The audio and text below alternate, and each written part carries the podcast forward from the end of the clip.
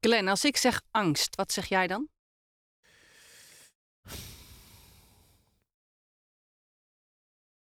Hmm, Wat voel jij dan misschien? ja. is minder flitsend, eh, flitsende start. maar het is... Wat zijn woorden opgeschreven als de kern ervan niet wordt begrepen? Grote woorden, hele grote woorden. Gro grote woorden, hele grote woorden. Gro gro gro Grote woorden, hele grote woorden. Gro gro gro grote woorden, hele grote woorden. Gro gro gro grote woorden. Hele grote woorden. We gebruiken veel en vaak grote woorden. Maar wat zeggen we nu eigenlijk? En bedoelen we wel hetzelfde? Woorden vormen ons en de wereld om ons heen. Ze dragen onze gedachten en gevoelens. Eén woord kan het verschil maken tussen verbinden en breken.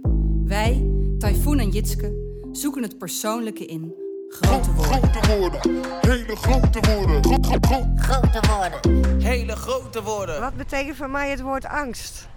Daar heb ik niet zo heel veel last van. Angst is. eh ja, angst is. Hmm, goede vraag.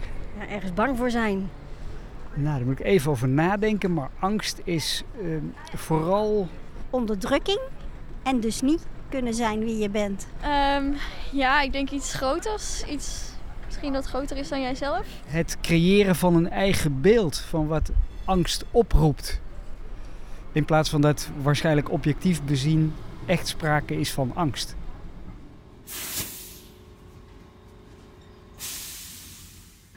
Angst is voor mij tegenhanger van, of de tegenhanger van liefde. Liefde en angst zitten echt bij elkaar. Het heeft een wat donker stukje. Een, eh, misschien is het onbegrepen.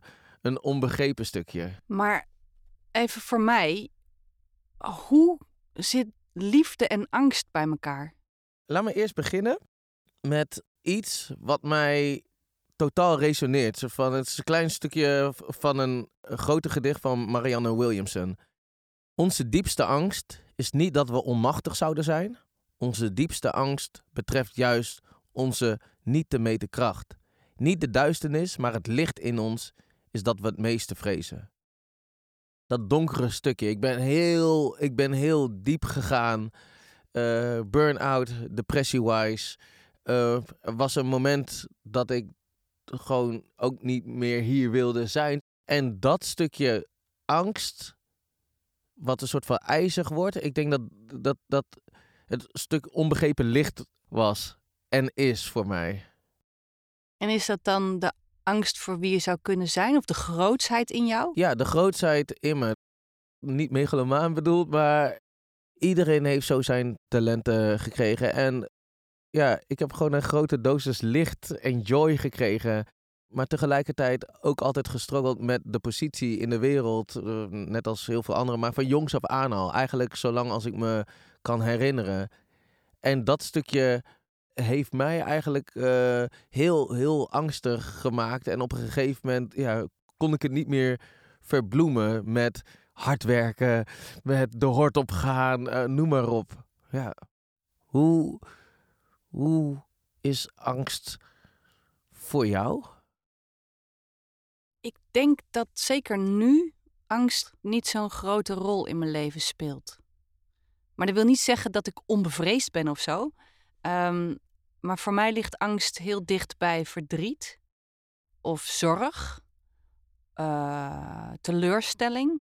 Als ik een onverwachts mailtje krijg of onverwachte brief, dan kan ik die steek in mijn maag voelen van "Oh, ik heb iets fout gedaan. Dus voor mij is angst heel erg gekoppeld aan ik mag er niet zijn. Ja, Maar niet van mezelf niet, maar van een ander van een niet. ander niet. Ja. En ik denk als ik, nou ja, nu, nou ja, ik, ik, heb, ik heb de liefde meegemaakt en een scheiding, een nieuwe liefde. Ik heb, ik heb gereisd, ik heb in een ambush gelegen. Dus at Mm. gunpoint, dus dat er mensen met, met grote geweren op mij stonden. Ehm, en, en ook dat overleeft, zeg maar. Dus ik denk dat ik gaandeweg heb geleerd van ik kan, ik kan omvallen. Mhm. Maar ik heb de skills inmiddels ontwikkeld om misschien met kleerscheuren, maar wel weer op te staan. I'll survive. Ja. En ik denk dat zit een soort diepe basis op dit moment. Dat ik denk, ja, ik vind nog wel heel veel dingen spannend. Heel spannend. Mhm. Maar angst is bijna een te groot woord voor wat ik voel. Want wat gebeurt er met jou als je angst voelt? Ik kan dan naar binnen slaan en heel erg stil worden. Dus voor mij is enorm belangrijk. Op een gegeven moment ben ik het juist op gaan zoeken. Ook skydiven bijvoorbeeld. Ik vond het een verschrikkelijk idee. en de eerste keer dat ik het deed, het is gewoon compleet onnatuurlijk. Gewoon om je benen te laten bungelen op een paar kilometer hoogte. met, de, met, met, de, met, de, met de vliegtuigdeur open en er dan uit te springen. En die eerste paar seconden van die vrije val zijn echt afschuwelijk inderdaad. Gewoon verschrikkelijk. En daarna iets minder verschrikkelijk. maar ik vond het heel erg belangrijk om het te doen. Ik heb echt zo hard geschreeuwd. En de tweede keer wilde ik het doen, maar dan in fully embracement van de veer die ik voelde. Eigenlijk als, als, nou ja, gewoon als een spier om te trainen inderdaad. En ik own het liever dan, dan, dat, ik het me, dan dat ik het me laat verlammen. Ik zit naar te luisteren en zit ik af te vragen, ben ik daar nou bang voor, angstig? Maar ik denk dat ik het gewoon niet leuk vind. Mag dat ook? dus ik vind het prima om spannende dingen te doen, maar ik, mag ik overmaken naar Ja, zeker, zeker, zeker. Ik, ik denk ook wel dat ik heel vaak bang, of ik, mensen, heel vaak bang ben voor dingen die er niet, die meer, die er gewoon niet echt zijn. Is er reële angst? Is er irreële angst?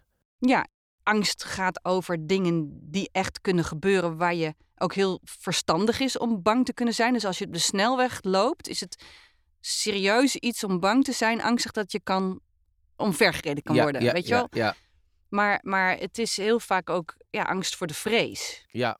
Het is een heel oude kaskraken van Robert Long, ken je die? Nee? Dat is allemaal angst. Dat is zo'n nummer. Doe eens. Doe eens. Ja, ehm, en dat is allemaal angst, allemaal angst. De allergrootste schreeuwers zijn dikwijls het bangst. En als er ooit iets gebeurt, nou, dan moet het zo wezen. Wie het meeste angst heeft, heeft vaak het minste vrezen. Bidoe. Maar dit, dat heb ik als kind dus ergens wel opgeslagen. Ik denk dat zijn van die dingen die je dan heel vaak hoort. Ja, Dus wie het meeste angst heeft, heeft vaak het minste vrezen. ja, Dus, dus ben je feitelijk bang voor dat wat er kan gebeuren? Ja. Of voor je, je gedachten van wat er kan gebeuren? En voor mij heb ik nou ja, in de loop der tijd gemerkt van... Nou, ik, haal, ik haal het terug naar wat er feitelijk kan gebeuren. Dan is de gedachte van de angst wordt minder. mhm. En dan wordt het gewoon spannend. En spannend, dat kan ik aan. spannend is oké. Ja. Ja, angst is. Je hebt geen confidence. Hoe zeg je confidence in Nederlands? Zelfvertrouwen. Is dat omdat als je bijvoorbeeld je hebt een sollicitatiegesprek, weet je, en je hebt niet eh, prepared goed, genoeg, dan misschien ga je angst hebben voor de sollici- sollicitatiegesprek. Maar als je hebt voorbereiding goed genoeg, zal je weten, oké, ik heb geen reason om angst te hebben. Snap wat ik bedoel? ja. Geen vertrouwen, Ja, Daar haak ik wel op aan. En dat gaat voor mij over eh, onzekerheid. Ja. Dus in het Engels zeg je wel de leap of trust. Dus je, je hebt een, een, een situatie die je kent en je, je neemt de sprong in het ongewisse. Ja.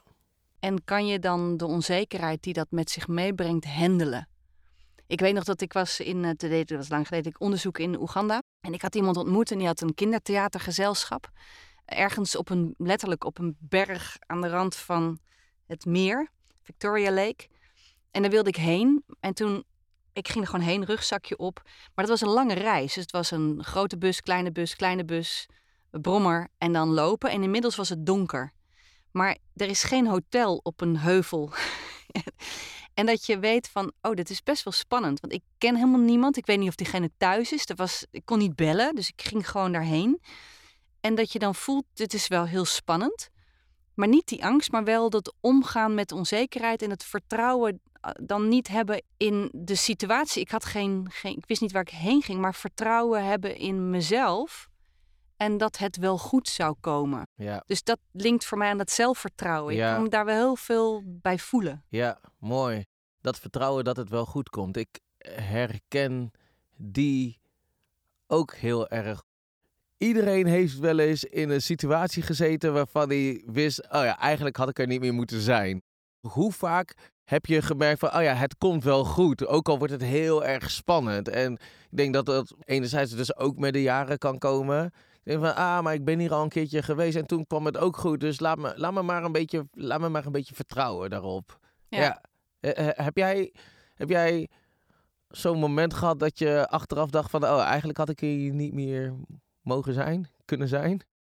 Of ik domme dingen gedaan heb in mijn leven. ja.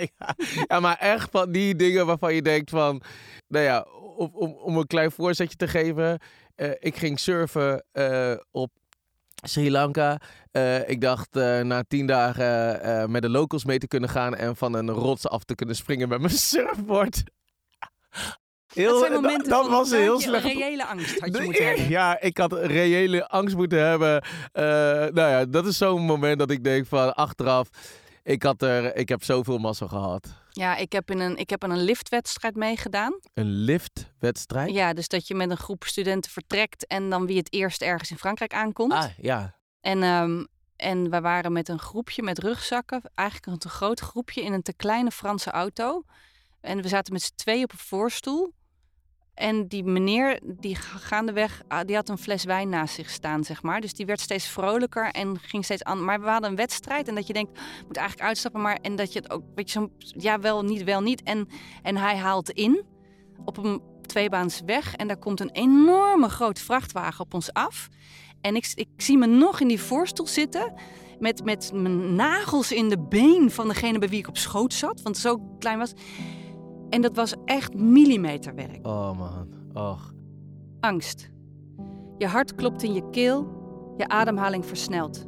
Zweet breekt je uit. Je spieren spannen zich aan. Angst is een gezonde reactie op een reële dreiging.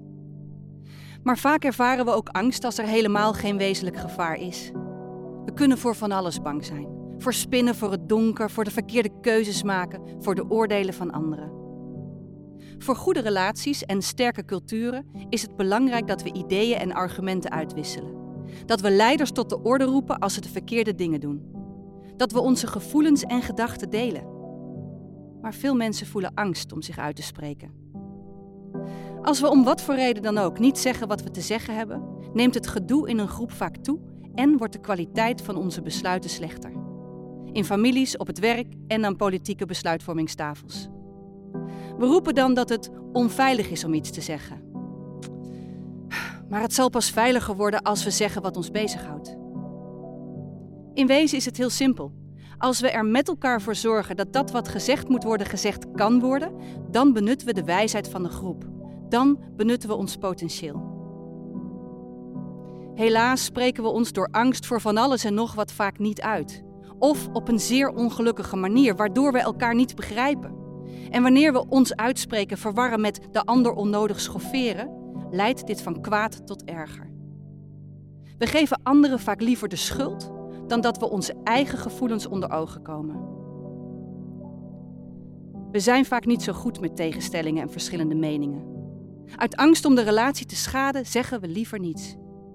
Het menselijk drama is dat we juist daardoor grotere conflicten krijgen, die ons nog angstiger kunnen laten voelen.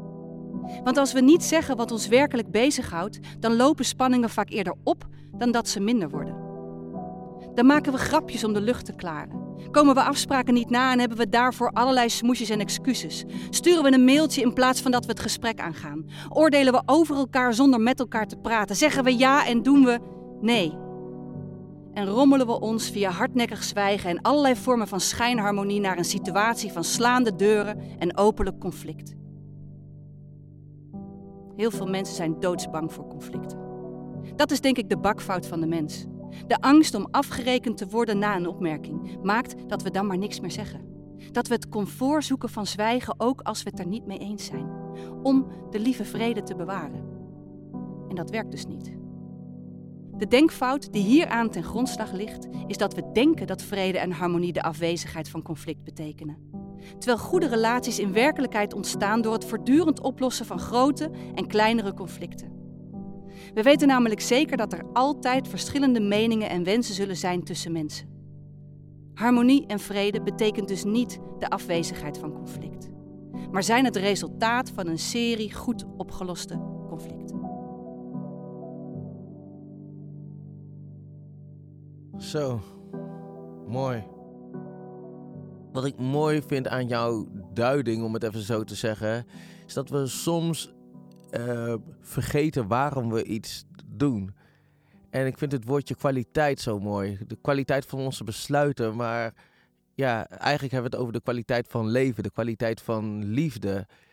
En als je weet dat dat op het spel staat, ja, dan wil je volgens mij ook dapper zijn om wel dat gesprek aan te gaan, om niet voor die schijnharmonie te gaan. Dus die, die vind ik heel erg, heel erg, ja, heel, heel erg mooi. Want doe je dat voor jezelf of doe je dat voor de ander? Dat niet praten, dat niet uiten. Ja. Ik moet ook denken aan onderdrukking. Dus dat je niet mag zijn wie je bent. En Ja. hoe vaak we onszelf onderdrukken. Door te ontkennen wat we werkelijk vinden of voelen. Ja. Uit angst voor de afwijzing. Mhm. En, en ik denk dat we heel vaak eh, daarbij denken aan dat we negatieve dingen tegen elkaar zeggen. Maar ik had, nou ja, een nieuwe liefde in mijn leven. En de eerste keer dat je tegen iemand zegt: Ik heb je lief. Hoe, wie zegt dat als eerste? Ja. En als ik dan de meest recente angst, is het rond dat zinnetje. Want als je het uitspreekt, dan kan die diepe afwijzing komen. Ja. En wat betekent dat dan? Kan je nog blijven staan? Stort de hele boel in? Weet je wel, dus, dus in dat licht kan ik weer heel veel voelen dat angst en liefde zo dicht bij elkaar zo zitten. dicht bij elkaar zit. En ik, ik ken dat heel erg vanuit, nou ja, echt gewoon vanuit mijn liefdesleven ook. Er was een eh, moment dat Marie, eh, nu mijn vrouw, eh, we zijn een jaar geleden getrouwd. Eh, we waren aan het daten, toen eventjes niet, want eh, nou ja, was ingewikkeld, hashtag. It's complicated. En op een gegeven moment van, gingen we beide naar Bali, maar eh, afzonderlijk van elkaar, wisten we in eerste instantie niet. En tijdens die reis kwam ik eerst een paar meisjes op het strand tegen die gewoon aan het spelen waren. En eh, hello, what's your name? Je kent het wel. En toen van, eh, you got a girlfriend? Eh, zo wilde gewoon alles van me weten.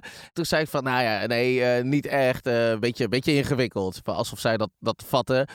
En toen later werd ik opgehaald eh, op het vliegveld van Bali door een taxichauffeur. En nou, een heel mooi gesprek. En op een gegeven moment zei hij van, eh, ja, you got a girlfriend. Ik zei van, "Huh, weer. Toen zei hij, heb je haar gezegd dat je van haar houdt? En toen zei ik van, ja, nee, dat doen wij niet zo in Nederland. dit, is niet, dit, dit zo, dat zijn geen, niet de datingprotocollen, weet je wel. Wij hebben 60 verschillende functies eh, en, en st- st- stages van, van of we nou met elkaar zijn of niet. En hoe langer ik hem probeerde uit te leggen ehm, wat normaal hier was, hoe meer ik realiseerde wat voor bullshit ik aan het verkopen was. En er kwam zo'n stem in me en die zei me echt, je bent gewoon een bang mannetje. En toen ik die stem, je weet toch, van op het, op het moment dat, je, dat het waar is, dan resoneert het gewoon in je hele lijf. En met die boodschap, met dat gevoel, ben ik toen naar Marie eh, eh, eh, gestapt. En ik heb, ik heb haar gezegd van luister, ik kies voor jou. Ik vind het doodeng. Ik weet niet hoe dit moet. Ik weet niet of ik dit kan, maar ik kies voor jou. Let's find out. En een jaar later waren we verloofd en nog een jaar later getrouwd. En ik heb dat echt op vertrouwen gedaan. Maar dat kwam wel doordat ik inzag dat ik eigenlijk diep, diep, diep angstig was om in die volledige liefde te staan. Wauw, ik, ik denk, Glenn, dat wij op enig moment in dezelfde taxi hebben gezeten. Zo, hoe bedoel je? nou, ik was ook op Bali. In, Jaren- in, in welk jaar was dit? Een jaar of ja, kleine tien jaar geleden. Oké, ja. En dat was een situatie dat ik in een... Ik had een hele prachtige, mooie relatie van 20 jaar. Vader van mijn kinderen, fantastisch. En die liep ook op het einde. En dat is altijd pijnlijk. En, eh, dus ik was in de war en ik, ik was in die regio aan het werk. eh, was daar met mijn gezin. Gezin was teruggevlogen en ik was alleen. En ehm, dus ik kwam aan op Bali. Ik had een week even wat rust om weer verder te werken. En ik was echt een beetje, nou ja, zoekende. En ik kwam aan en ik pakte een taxi en die vroeg waar wil je heen? Ik zei naar een hotel. En toen zei hij, maar wil je waar? Ja, dus een beetje breed, zullen we maar zeggen. Mm, ja. En waar wil je heen? En ik zei, maakt niet uit. Kutabitsa nu. Ik zei, ah, en toen moest ik huilen. En toen keek die taxichauffeur mij aan en zegt, you know, I'll take you to a place where your soul can find you again. Prachtig. Dat ik zo mooi. En daar moet ik nu aan denken, omdat jij taxichauffeur op Bali. Maar voor mij was dat ook wel, als ik dat nu zo link aan angst. Ik was ook heel erg bang voor alles wat kapot kon gaan. Ja. En zou veel kapot gaan. Ja. Ehm, waardoor ik ook niet meer kon zien waar het helende in zit. En, en als when your soul finds you again, dus wanneer je samenvalt met jezelf, Ja. denk ja. ik dat, en dat, dat, dat je dat zelfvertrouwen weer kan hebben om het aan te gaan.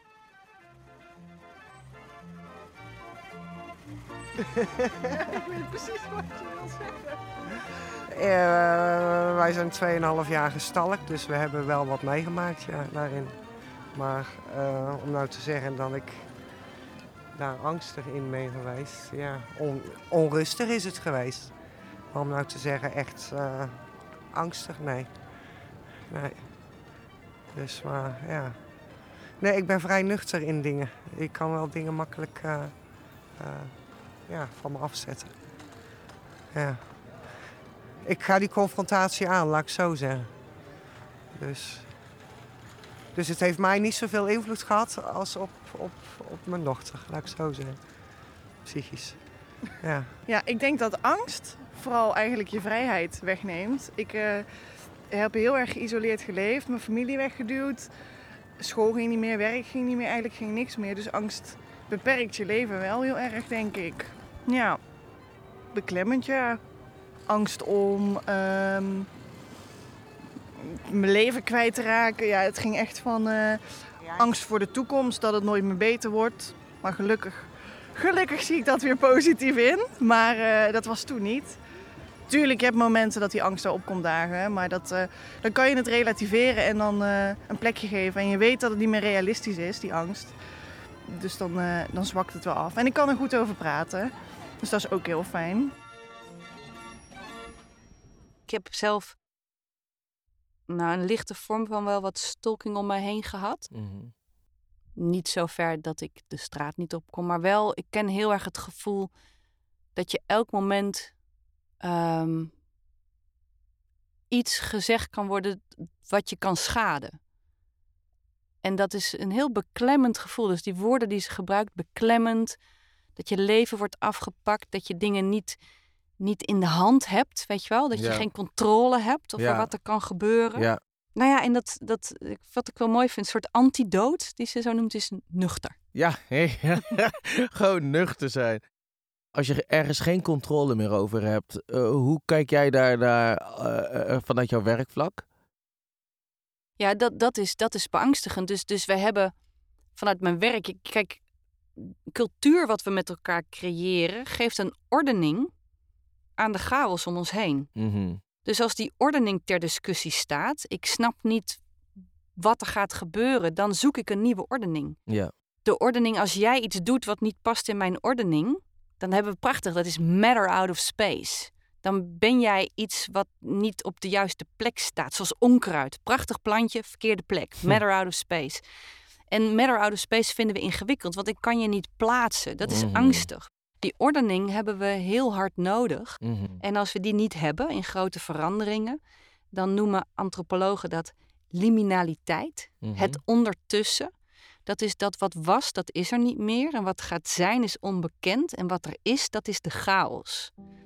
En dan zeg ik er vaak achteraan van onzeker, maar dat went. Ja, ja, ja, Dus er is die chaos, dat onzekerheid. En daar hebben we ja, rituelen nodig om daarmee om te kunnen gaan. En die rituelen geven dan de ordening. Een stukje houvast Stukje eigenlijk. houvast. Ja, ja, Ja. om van punt A naar punt B te gaan. En dat ook in het, in het licht te zetten, om het even zo te zeggen. Ja, het onder ogen te komen. Ja, precies. Ja. Ik was bang voor vrede. Er ging meer en meer de mensen om me heen nadoen. Wilde lijken op de onrust en voedde me van top tot teen met gebrek. Gulzig. Meer. Ik groeide op en dijde uit. Succesvol, niet helemaal geslaagd, dikke bak, groot huis. De oprit oprijden, parkeren, maar nooit de motor af. Net niet. thuis. En ik weet het. De echte strijd zit in ons hoofd, in ons denken. Met het onzichtbare in plaats van mensen. De deceptie, de onwaarheid, de angst. Ik ben niet meer bang omdat ik weet wie ik ben en lofprijzen kan. Hier ben ik. Vredig, vrede. Wees geen vreemde. Zit naast alle bange harten, blijf delen. Liefde komt, liefde wacht. Liefde is ruw, liefde is zacht. En als alles voortdurend verandert, is dat onze constante. Dus blijf dezelfde. Blijf mij verwachten. Blijf voor ons strijden. Blijf dansen. Blijf helder.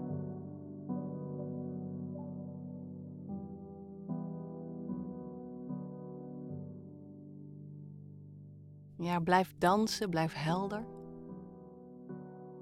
Dus wel die, dat gezegde van ehm dans alsof niemand staat te kijken. Ja, ja. Ik zou eigenlijk willen zeggen dans terwijl iedereen staat te kijken. Want you're not alone, weet je. Dus, ja. dus, dus met angst, weet je zo, wat je ook zo zegt, onzichtbare stem in je hoofd. Angst voor de irreële dingen die er zijn. Mhm. Angst voor wat anderen vinden, of je er mag zijn of niet. Dus het is zo'n diepe menselijke eh, bestaansrechtvraag. Ik vind, het, ik vind echt angst een heel groot woord. Hm, ja. Hoe zou je hem kleiner kunnen maken? Nou, voor mij is het de hele tijd weer in mijn eigen leven in ieder geval de reality check doen. Ja, Wat, waar ben ik eigenlijk bang voor? ja. En, en, al, en dan het helder, dus, dus helder kijken, dan verdampt ook heel veel. Ja, Omdat het angst is voor wat misschien gaat gebeuren. Maar ja, misschien ook niet. zo mooi wat je zegt. Want eh, ik heb eh, middels eh, levenservaring, maar ook gewoon keiharde therapie, echt wel geleerd om, om mezelf inderdaad een paar vragen te stellen. Want daarmee ontwapen ik eigenlijk mijn gedachten, mijn, mijn ego ook eh, vaak. Glenn, waar ben je bang voor? En ben je ergens verdrietig over? En door die vragen zet je je angst of wat het dan ook mag zijn, gewoon in het licht. En dan kan het geen verstoppertje meer spelen. En ik merk dat dingen spannend vinden, worden, eh, eh, sp- spanning wordt angst als er te weinig aandacht eigenlijk voor, voor, voor is. Dus ik he- herken dat vragen stellen. Wat heb jij te leren als het gaat over angst? Denk nog meer loslaten.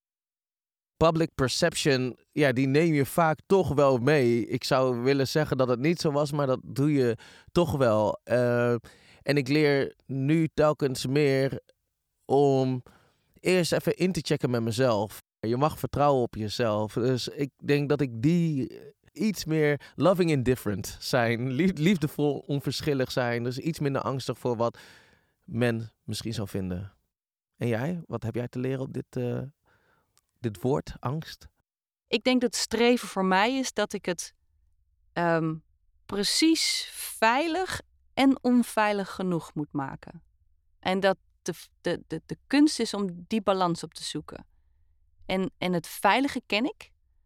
In de zin van, ik weet, ik weet heel goed inmiddels wanneer het voor mij veilig is. Ook in hele enge situaties. Maar mijn uitdaging is om dat onveilige stuk de komende tijd wat meer op te zoeken. Mooi. Dankjewel. Jij ook? Wat zijn woorden opgeschreven als de kern ervan niet wordt begrepen? Grote woorden, hele grote woorden. Grote woorden, hele grote woorden. Grote woorden. Hele grote woorden. Grote woorden, hele grote woorden. Grote woorden. Hele grote woorden. Dankjewel voor het luisteren naar de Grote Woorden podcast. Op woensdag 5 oktober in de Nationale Diversiteitsweek organiseren wij, Typhoon en Jitske, een uniek event genaamd Rhythm of Life. Met overdag een masterclass over diversiteit en inclusie voor organisaties. En s'avonds een groot concert van Typhoon en band Met verdiepingstalks van Jitske Kramer. Dus ga naar rhythmoflife-event.nl voor verdere info en kaarten.